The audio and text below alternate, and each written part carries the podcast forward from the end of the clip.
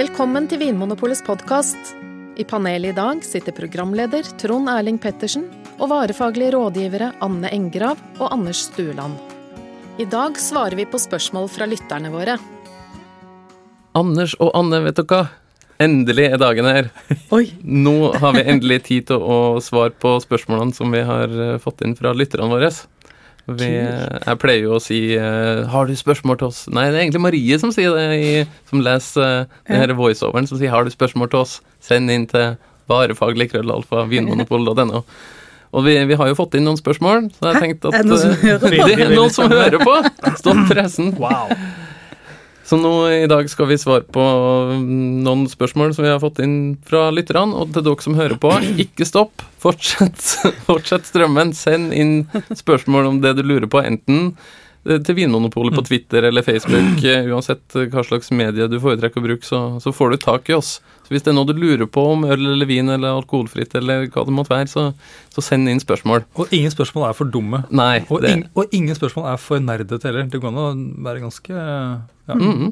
Ja, så uansett hva du lurer på, send det inn, så skal vi kaste oss eh, over det. Akkurat som vi skal gjøre i dag. Eh, og det første spørsmålet, folkens, det er mm, dessverre da fra en som ville være anonym, men, eh, men jeg tror spørsmålet er ganske vanlig, og jeg syns det er ganske godt. Så det er ikke et spørsmål som du bare har funnet på. Mm, kanskje.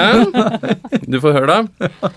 Eh, Spørsmålet er nemlig de gode kjøpene. Hvordan finner man et godt kjøp? Hvordan klarer man å finne en vin som gir mye for pengene? Er det en som lurer på. Har dere noen triks i baklomma til hvordan man kan liksom finne, finne det gode kjøpet? Altså, jeg ville begynt med å gå på polet. Mm.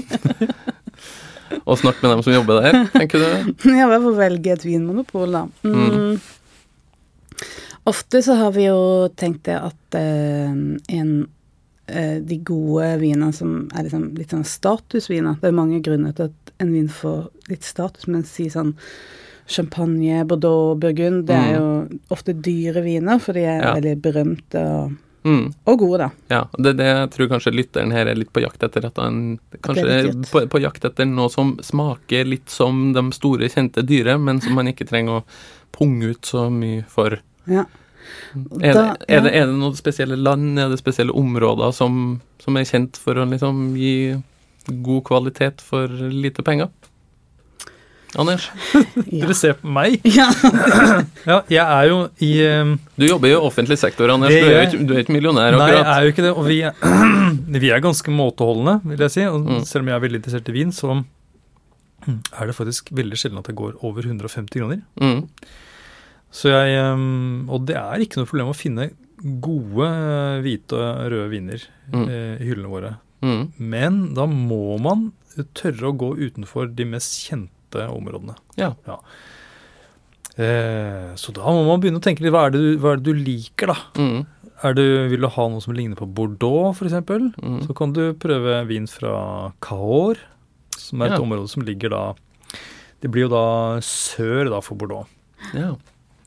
Eh, som også er liksom litt faste viner. De kan ha litt fatpreg og sånt, noe sånn mørk bærfrukt. Og de kan lagres en god stund. Er, er det liksom et triks at man finner et sted som ligger i nærheten av et kjent område, og som Ja. kanskje bruker samme druer eller samme metoder, men Ja, som ikke tar seg like godt betalt? ja og, det vil jeg, og det, du bør ikke gå, dra så langt unna heller. Jeg kan f.eks. ta et annet eksempel, sånn som i Nord-Rån, Mm. der hvor man bruker syradrun for å lage litt sånn krydra, stilige rødviner. Mm. Så er det to områder som er veldig kjent, Cotroti og Ermitage. Ja. Og, og de vinene er jo dyre. Mm. Men så er det jo flere appellasjoner like i nærheten som ikke er så kjent. Mm. F.eks. Uh, San Josef, Mm. og kanskje først og fremst Cross Hermitage. Okay. Og da er det jo det er en grunn til at de, noen av områdene blir veldig kjent, og det er fordi at de har vinmarker som er veldig gode, som har sørget for at man har lett har fått modne druer. Mm. Men nå er det sånn at med øh, eh, det- er jo litt, blitt litt varmere, det er nå én ting. Ja. Men også Global oppvarming og så Global oppvarming, ja. Det er liksom en, en positiv effekt av det. Men, men ikke minst er det det at eh, vindyrkerne de vet mye mer nå enn før hvordan de skal stelle med plantene sine for å få best mulig modning. Ja, Så de er ikke like avhengig av å ha de aller beste vinmarkene for å få topp kvalitet på, på vinen sin. Og derfor sånn som Cross Hermitage, da, som Mm. ligger i nærheten av denne Hermitage-åsen, Mm. Der er det flatere, men allikevel så kan du få virkelig flott vin. Men Mm. produsentene får ikke den samme prisen. Mm. Nå nevnte du et par franske områder. Anne, er det noen andre steder i verden som, som har sånne Mm. områder som ligger i nærheten av et kjent område, eller der de bruker samme drue, f.eks.? Jeg tenker eh, eh, et land, egentlig, som jeg eh, ofte handler Som jeg får veldig mye god vin under 150 kroner. Ja. Og jeg, jeg kommer jo stadig tilbake til Tyskland. Jeg, da. Ja. Og der jeg, tenker jeg at det er sånn jevnt over, så ligger så er kvaliteten stabil, jevnt god. Ja. Så der kan man nesten bare velge ut ifra hvor mye penger du har lyst til å betale, og så vet du at du får mye for pengene. ja. Det meste er veldig bra, liksom?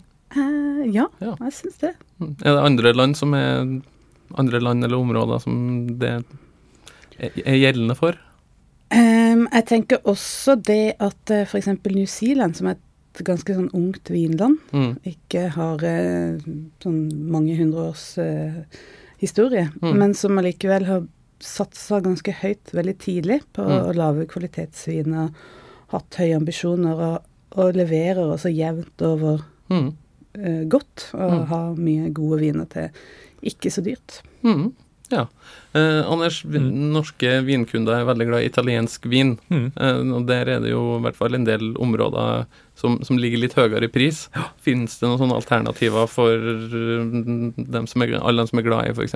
Ripasso eller eh, Barolo eller eh, de Ja. der litt mer høystatusvinene fra Italia? Oh, ja da, og jeg tenker at det finnes, vi kan finne alternativ for, for nesten hva som helst. Mm. Men vi kan begynne med sånn som Barolo og Barbaresco, Mm. som er veldig kjente områder i- helt nord i Italia. Og da er det ikke så langt unna, faktisk, så fins eh, områder som bruker de samme druetypene. Mm. Eh, Nebbiolo. Nebbiolo er da, da den druen som, druen som brukes i Barbaresco og Barolo. Og Gattinara f.eks. er et uh, Mm. område som uh, lager uh, virkelig bra vin, som minner om Barbaresco og Barolo i, Mm. i stil. Og så er det et mye større område som kalles for Lange. Yeah. Og der er det klart at du har ingen garanti at du, så lenge, at du bare velger en Lange, så får du en, en god vin. Men Mm. det fins gode produsenter som Mm. lager ganske rimelige viner basert på Nebbiolo, som Mm. minner også om Barbaresco og Barolo. Ja, men det er gode tips. Det er et eksempel. folkens. Ja. Ellers vil jeg trekke fram Cecilia, Ja. som eh, også et, et sted hvor det har skjedd veldig mye med Mm. vinproduksjon og, og kvalitet. Mm. Um, selv om det er, det er varmt der, det ligger såpass langt syrt, at uh, Ja. Men der har de da plantet oppover i fjellsidene opp mot uh, Etna, sånn at Mm. eh, det blir litt kjøligere, og der får du viner som ja, hva skal jeg si, nesten som sånn krysning mellom sånn burgunder og noe litt så mer sånn uh, sør... eh, Søritaliensk i, i stilen. Ja. Du har liksom både den friskheten og livligheten, Mm. tillit til den der litt sånn sødmefulle frukten. Ja, Ja, Cecilie er liksom sånn et møte mellom to verdener. Ja, men Så bra. Da har vi vært innom både Tyskland og New Zealand og Sør-Frankrike og Italia og masse forskjellig. Kan, kan jeg bare si én ting til? Og Ja. det, det, er jo ikke, det er jo ikke vanlig, det er ikke svakvin, det er sterkvin. Men når det er snakk om sånne perler Mm. Mm. noen skjulte skatter i vinmonopolhyllene, så tenker jeg at uh, tørr sherry Mm. har blitt glemt, og ikke bare av norske kunder, men nesten over hele verden. Ja. Så det gjør at det, der er det Det er en vintype som hvor de, de får lave priser, men de har jo en kjempelang tradisjon, og det er et helt spesielt produkt. Mm. Eh, Du, må, du må like det, da. du må Det- like, ja, du må nesten du må lære litt. Eller du må tørre å prøve. Ja, du må tørre å prøve. Det blir liksom som blåmuggost første gang og sånt, men eh, det, det er virkelig Ja. komplekse, særegne viner Mm. eh, til en, eh, en veldig lav pris, tenker jeg da. Og det er fordi at markedet ikke er etterspør det. Mm. Og det er rart at ikke sherry får et oppsving snart. Mm. Det er noe man har gått og ventet på lenge, men Ja, ja. på en måte men- aldri skjer. Etter den podkasten her så blir det helt Ja, er da tar det helt helt av. Ja, men det var fint du nevnte, Anders, for nå skal vi straks eh, til Spania. Vi vil veldig gjerne høre fra deg som lytter til Vinmonopolets podkast. Hvis du har spørsmål eller andre innspill, ta gjerne kontakt på podkast at vinmonopolet.no, på Twitter eller på Facebook. Hvis du liker podkasten vår, blir vi veldig glad om du går inn i iTunes og gir oss noen stjerner. Der kan du også skrive noen ord om hva du syns er bra, og hva som kan bli bedre. Visste du forresten at Vinmonopolet har et eget kundesenter? De kan hjelpe deg med alt fra bestilling av produkter til valg av drikke til selskapet ditt. Kundesenteret vårt finner du på vinmonopolet.no, eller ved å ringe 04560. Eh, Det neste spørsmålet vi har fått inn, det er fra en som heter Morten. Hei, Morten. Hei. Eh, Hei, Morten! Hei! Morten skriver ehm, Mange av oss har et sterkt forhold til både Spania og Rioja. Jeg Er særdeles fornøyd med podkasten og vil svært gjerne ha Rioja på plakaten. Yes. Først, først av alt så vil jeg si at jeg liker Morten. Ja. Takk, Takk, Morten. um, Morten har da sendt inn en e-post til podkast.vinmonopolet.no. Det kan du som hører på gjøre òg. Rioja på plakaten, folkens. Mm. Det er jo et sånn klassisk vinområde. Når jeg tenker Rioja, så tenker jeg på litt sånn flasker med gullnett utapå, holdt jeg på å si, og litt sånn eh, gammeldagse vinetiketter, gjerne med litt sånn renessansemaleriaktig stil. Litt sånn støv på flaska og sånn. Ja, nesten litt sånn. Eh, men spansk vin er jo mer enn bare støvete gamle Rioja-flasker, og Rioja er mer enn gammel støvete vin òg. Ja. Men kanskje dere kan si litt, Anne, kan du si litt først om sånn, hva er den klassiske Rioja-vinen? Hvordan lukter og smaker en klassisk Rioja? Eh, en, altså, Rioja er jo et av de sterkeste merkevarene i vinverden. Det er det Mhm. de fleste har hørt om. Ja. De har bygd opp dette rundt det konseptet at vinen skal være ferdig lagra når den selges. Når okay. den kommer i butikken, så er den liksom ferdig lagra og har et, et preg av den utviklinga, da. Så det er på en måte et tegn på kvalitet i Rioja er at vinen har vært lagra lenge? Ja, i Spania så er, er det kvalitetshierarkiet bygd opp rundt hvor lenge vinen har vært lagra. Mm. Så de helt unge ulagra vinene, de, Mm. De heter Hoven. Mm -hmm. Jeg, jeg kan ikke stoppe Joven. Joven. Ja. Jeg tror det er sånn Hoven. Hoven. Hoven. Ja, ja, altså, Som ja. betyr ung, eller Som er ung, ja. Ja. Som har ikke vært i nærheten av noe lagring. Mm. Eh, og så har du Crianza, som har fått litt fatlagring. Og så Mm. har du Reserva, og så i de aller beste årgangene så har du da Gran Reserva, som har Ja. vært lagra lengst. Ja. Mm. Og da i økende grad så får du den eh, aldersutviklinga og det eh, preget fra fatet. Hvordan lukter og smaker denne utviklinga og, og fatpreget i de klassiske Rioja-vinene?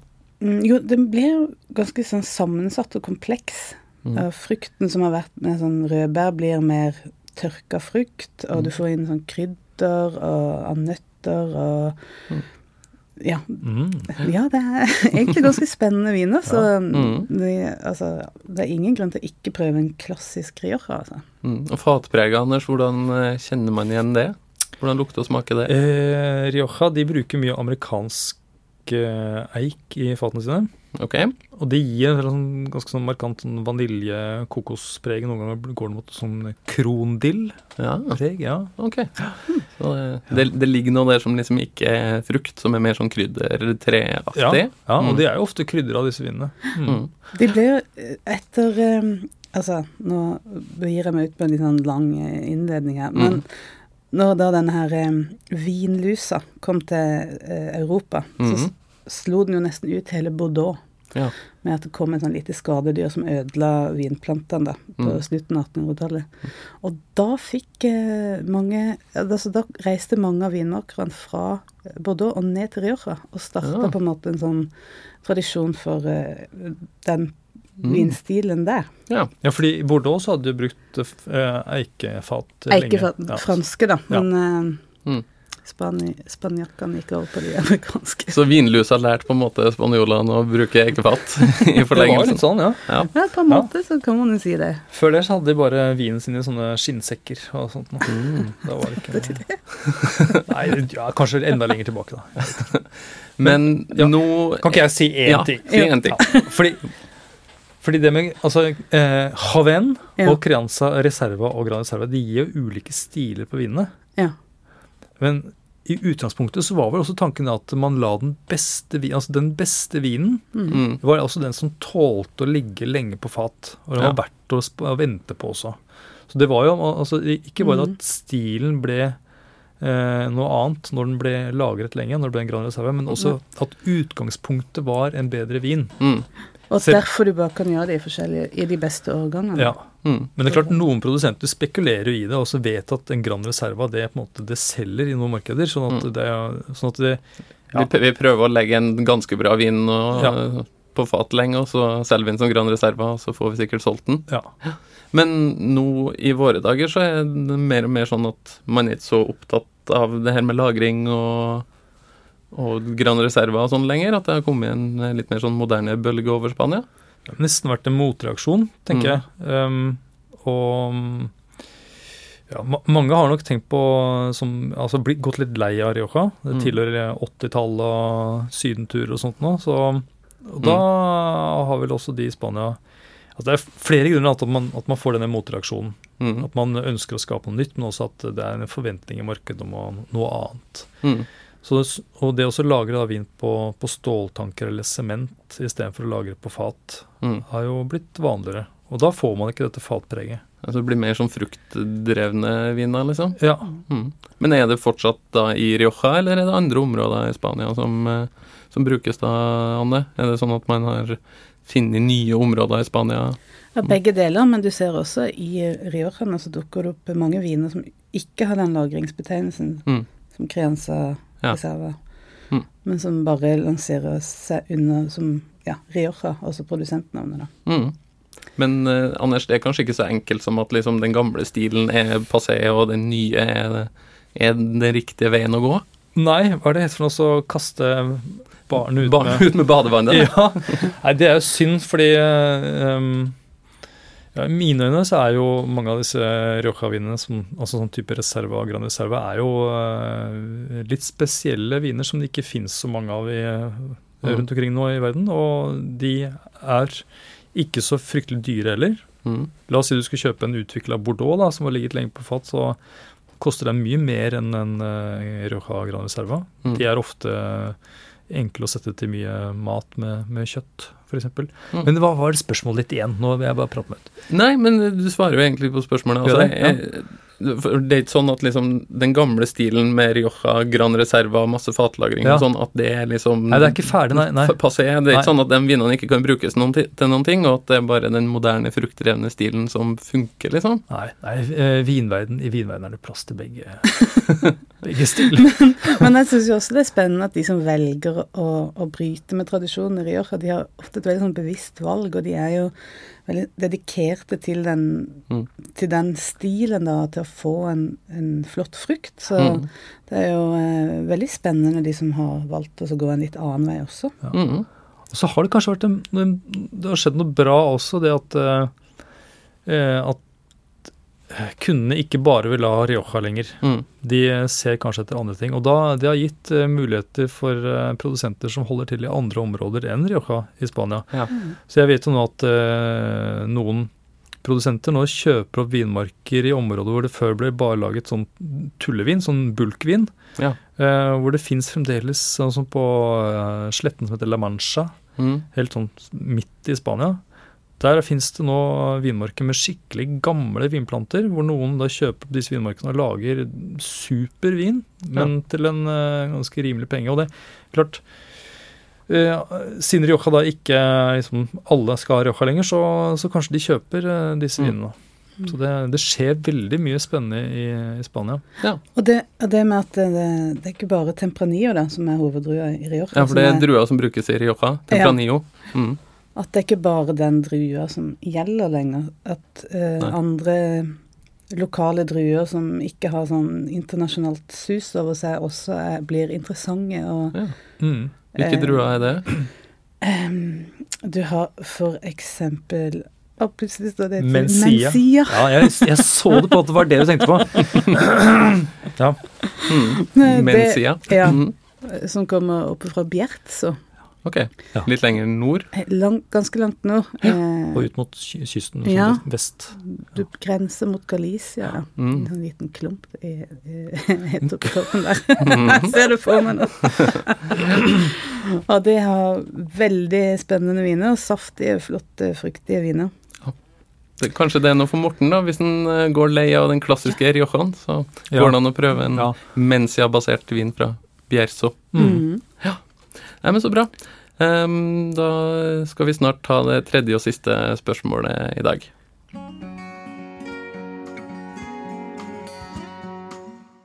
Dagens siste spørsmål, folkens, det kommer ifra Herman. Hei. Herman skriver Hei, hei. Etter at jeg har hørt nesten alle vinpodkastene deres, så har det falt meg inn et tema jeg har lyst til å høre mer om. Personlig så er jeg over middels interessert i vin, og storkoser meg hver gang det er en ny episode. Så til forslaget mitt. Det hadde vært gøy å høre om gode viner som ikke er matviner. Koseviner, på en måte. Hva er panelets favorittvin uten mat? Med vennlig hilsen Herman. Ja, Da, ja, men, Anders og Anne. ja, Først må jeg bare si en ting. Og det er siden jeg sa at jeg liker Morten, som jeg liker Herman også. Ja, det er fint. Ja, Det blir liksom litt feil, da. Hvis. Ja, Um, det Herman spør etter her, tenker jeg det er noe som jeg husker mange kunder har spurt om da i hvert fall jeg jobba i butikk. Det var jeg skal ha en drikkevin. Det er kanskje det vanligste vinspørsmålet i Norge, kanskje i verden. Ja, kanskje. Har du en vin som er god bare å drikke på egen Ja. hånd? Ja, kosevin. Kosevin, drikkevin. Hva, hva betyr det? Hva legger dere i det begrepet? Mm, ja Kanskje har jeg lagt i det mer en slags sånn forklaring at du skal ikke tenke på å sette det til noe mat. Nei. Så man står liksom litt friere til å velge Akkurat det du liker. akkurat det du har lyst på. Ja, Mm, For det er det det er spørsmål. mm, Hva er det du liker, Herman? Mm. Eller han spør oss, da, hva vi liker for noe, egentlig. For Ja, vår hvis, hvis Herman da kom inn på Vinmonopolet, og så sto du der, Anders, i din flotte blå uniform, Ja. og så sier Herman hei, jeg vil gjerne ha en drikkevin, jeg vil ha en kosevin, jeg vil ha en vin som ikke skal passe til noe spesielt av maten, den skal bare være god å drikke. Ja, Hva, vil, hva gir du den da? Jeg ville jo spurt ham hva han liker. Ja. For det er, hvis jeg gir han da en, eh, noe som jeg syns er godt å drikke uten mat, og, og, men en helt annen type vin enn det han vanligvis liker, så. Ja, det, ja det, vi, må, vi må jeg må, jeg må finne ut litt mer. Ja. Ja. For det, altså Vin La oss begynne i andre enden. da. Vin som skal passe til mat, Anne. Er Ja. det noe spesielt en vin må ha for at den skal kunne passe godt til mat? Uh, det er et veldig stort og veldig vanskelig spørsmål der, Ja. Erling. men, men sånn Én ting som vinen må ha for å passe til all mulig mat, det er litt vanskelig å si sånn ett Mm. svar på. Men, Men, men, du kan jo si at vinen forandrer seg jo mer med mat enn uten mat, da. Okay. Altså det, det kan jo være at maten påvirker vinen i større grad, så hvis det er noen sånne småting med vin som ikke f.eks. er helt sånn perfekt, Mm. så vil det kanskje bli tydeligere når du har det til mat. Eller hvis eh, kanskje mm, frukten er litt sånn Ja, det er fin frukt, men du kommer en veldig kraftig mat, så vil vinen forsvinne helt, ikke sant? Og Ja. da har du jo mista litt av, Mm. det du er ute etter. Så, Så, så for, sånn sett- for vinen er det mer krevende å bli drikket sammen med mat enn på egen hånd. Du, det var det var veldig akkurat sagt! det jeg hadde lyst til å si. Ja. Det var veldig godt sagt. Det var deilig at du sa det. Så, vi, så vinen må jo egentlig være glad hvis den blir plukka ut som drikkevin, da. Ja, Ja. jeg tror det er, det er enklere for vinen å bli drukket uten mat Mm. enn enn til mat. Ja. Ja. Men det jeg Hvis vin fikk velge. Ja, men, men det jeg tror mange legger i dette her med kosevin, er at det er en vin som, som, eh, som er lett å drikke. Som på en måte glir lett eh, inn, Ja. inn i munnen, holdt på å si, og videre nedover. Ut- At den ikke er så krevende Ja. å drikke, at den ikke har så skarpe kanter, på en måte. Ja, og da, da kan vi være Ja, og ikke så mye snerp, ikke voldsomt mye syre, og Mm. eh, kanskje ikke noen sånne veldig rare smaker heller. Nei. Eh, Jeg vet ikke helt hva jeg, skal, hva jeg legger i det. Rare smaker, men Men at den er litt sånn litt rund, og at du ikke trenger å tenke så mye over den, kanskje. At Ja. den ikke er så krevende å drikke. ja. Mm. Men, kanskje no, så er det da kanskje noen som liker Barolo eller Barbaresco. Ja. Syns det er veldig god vin. Mm. Og tenker Det er ikke noe veien for at man har det som kosevin da. Nei. Nei, så i bunn og grunn så handler det om at eh, hvis du kommer på Vinmonopolet og sier 'jeg vil gjerne ha en kosevin', så bør du være forberedt på å få ett spørsmål til om 'ja, men hva liker du'? Ja, og Hva det, syns du er godt? og det tenker jeg det er jo lurt å kanskje tenke litt gjennom det først. Eller, eller, eller så kan de jo tenke sammen da i butikken. Det Mm. er liksom, Ja, ja, du skal jo ikke prestere. nei, nei det, er, det er viktig, og det er, det er faktisk helt sant. Men Anders, da Ja. sender jeg spørsmålet tilbake til deg. Ja. Hva liker du? Oi. Jeg lik, hva, jeg liker jo ting som er veldig friskt, jeg, faktisk. Ja. Som har tydelig eh, syrlighet.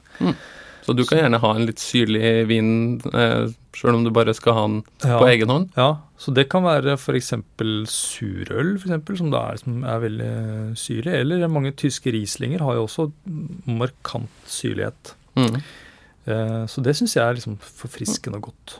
Hva med deg, Anne? Er det noe spesielt som du liker godt å, å Mm. drikke på egen hånd? Ja, jeg tenker kanskje også friskhet, men også saftighet. Mm. At det ikke bare er liksom sånn sitronsurt, men at du har en sånn, en sånn ah, Jeg klarer ikke helt å forklare, men en sånn leskende munnfølelse som liksom Mm. fyller munnen på et vis, da. Ja. Saftig, leskende vin. Ja. Mm. Både når det gjelder hvitt og rødt. Ja. Så Mm. gjerne litt sånn fruktige, sånn moden fruktighet. Det syns jeg det er godt. Jeg jeg kom på en ting som jeg Mm. Fyr løs. Vin som jeg ikke har så lyst til å drikke til mat. Mm. Ja. Og det er dessertvin. ja, men det, det skal man jo ha til dessert. Ja, men det, ja, jeg vet jo at det er konseptet, men for meg funker ikke det så, så bra. For meg blir det for mye. Det blir Mm. for søtt, det blir for mektig og voldsomt. Så, Mm. Og, Og det her tror jeg mange Det her har jeg hørt flere som har sagt. Ja. Anders, jeg bare slapp av, du vet Takk. alene. Bare Takk deg litt. ja, for det er, altså, dessertviner er jo Vinmakerne legger ofte mye energi i å lage en veldig god dessertvin. Mm. Eh, Det, det kan jo være ganske sånn komplekse, Nettopp. konsentrerte viner. Ja, viner som Man krever egentlig ganske mye oppmerksomhet fra deg, og kanskje det er greit å bare drikke de uten dessert. At, eh, Mm. Kanskje det er det de Ja. mener, at det er desserten? Ja, nettopp. Men også tenker jeg at det ene utelukker ikke det andre. Man kan, du kan få begge deler. Mm. Du kan spise dessert først, Mm. og så kan du dessertvin etterpå. Ja. For Det er lov. Da blir det to desserter. Jeg liker det. Så. Ja, jeg, jeg, jeg er veldig for det. Ja. Så Herman, takk for spørsmålet, og du har herved Anders sin tillatelse til å prøve å drikke dessertvin uten dessert, eller spise dessert uten dessertvin. Det, det er lov. Ehm, takk skal dere ha, Anders og Anne, for eh, gode svar på lytterne sine spørsmål. Og nå sitter jeg bare og gleder meg til det kommer flere spørsmål inn på podkast at vinmonopolet.no. Eller så kan du ta kontakt med oss på Twitter eller Facebook, eller vi er på de fleste sosiale medier. Så bare søk på Vinmonopolet, så får du tak i oss. Og Anders, hva var mantraet igjen? Ingen spørsmål. Er eh, dumme Eller hva var det jeg sa for noe? Det, dum. Ingen er for dum, og ingen er for nerdete, Ja, du ingen er for dum, og ingen er for smarte, da, kanskje. Li- Litt som oss som sitter i studio. Ja, ja vi er både òg. passe, passe dum og passe nerdete. Takk for at du hører på Vinmonopolets podkast. Har du forslag til et tema i podkasten? Send mail til podkast at vinmonopolet.no. I tillegg svarer kundesenteret deg på e-post, chat og telefon. Ring 04560 eller besøk vinmonopolet.no.